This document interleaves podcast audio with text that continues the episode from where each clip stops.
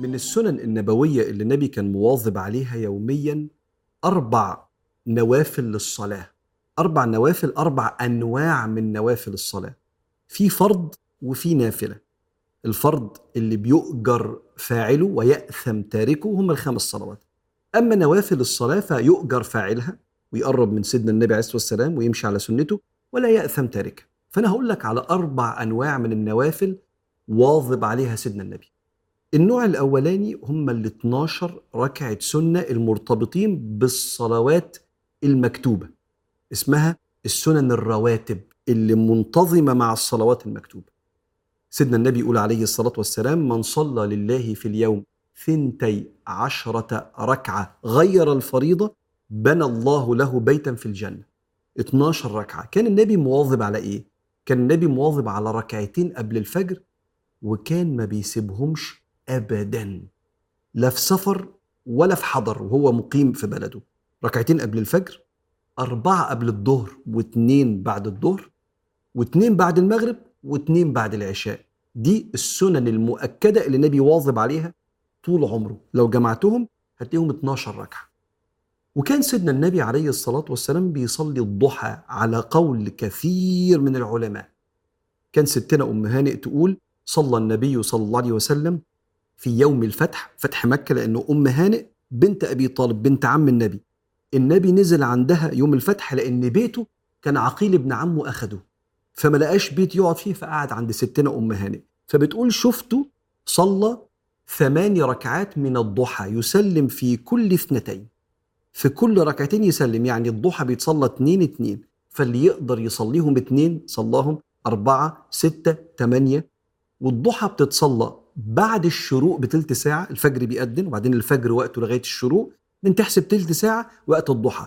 لغاية قبل صلاة الظهر تقريبا بحوالي تلت أو نص ساعة ده وقت الضحى.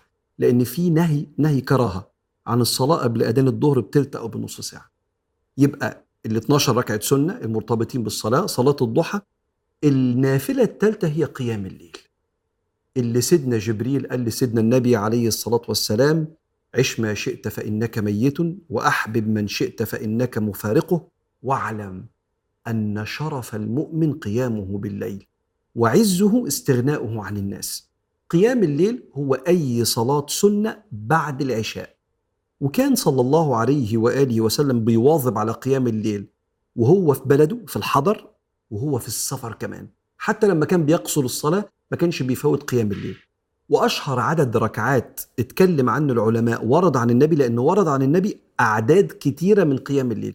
أشهرهم إنه كان بيصلي 8 ركعات قيام الليل. فبيصلي اثنين ويسلم اثنين ويسلم زي صلاة الفجر كده اثنين ويسلم اثنين اثنين فيبقوا ثمانية وبعدين بعد كده صلى الله عليه وآله وسلم ننتقل للنافلة الرابعة وهي صلاة الوتر أو تنطق الوتر.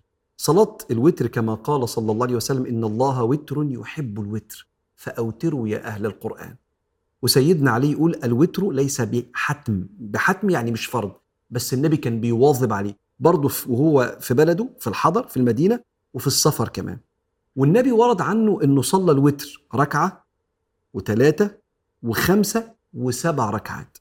ومن أشهر الصور اللي وردت عن النبي إنك تصلي ركعة واحدة بالفاتحة وصورة قصيرة أو تصلي ثلاث ركعات من غير تشهد في النص ومن غير تسليم.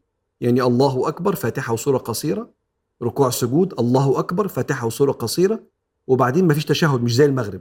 وتقوم الله أكبر فاتحة وصورة قصيرة وبعدين التشهد. ثلاث ركعات ورا بعض. ولو فصلتهم بقى ركعتين وركعة اتسمت الركعتين دول الشفع لأن كلمة الشفع في اللغة العربية يعني حد معاك. النبي يشفع لك تبقى واقف لوحدك يجي يقول لربنا يا رب ده معايا فيشفع لك. فتبقى وتر يعني فردي يشفع لك النبي. فالشفع يعني مجوز اتنين مع بعض.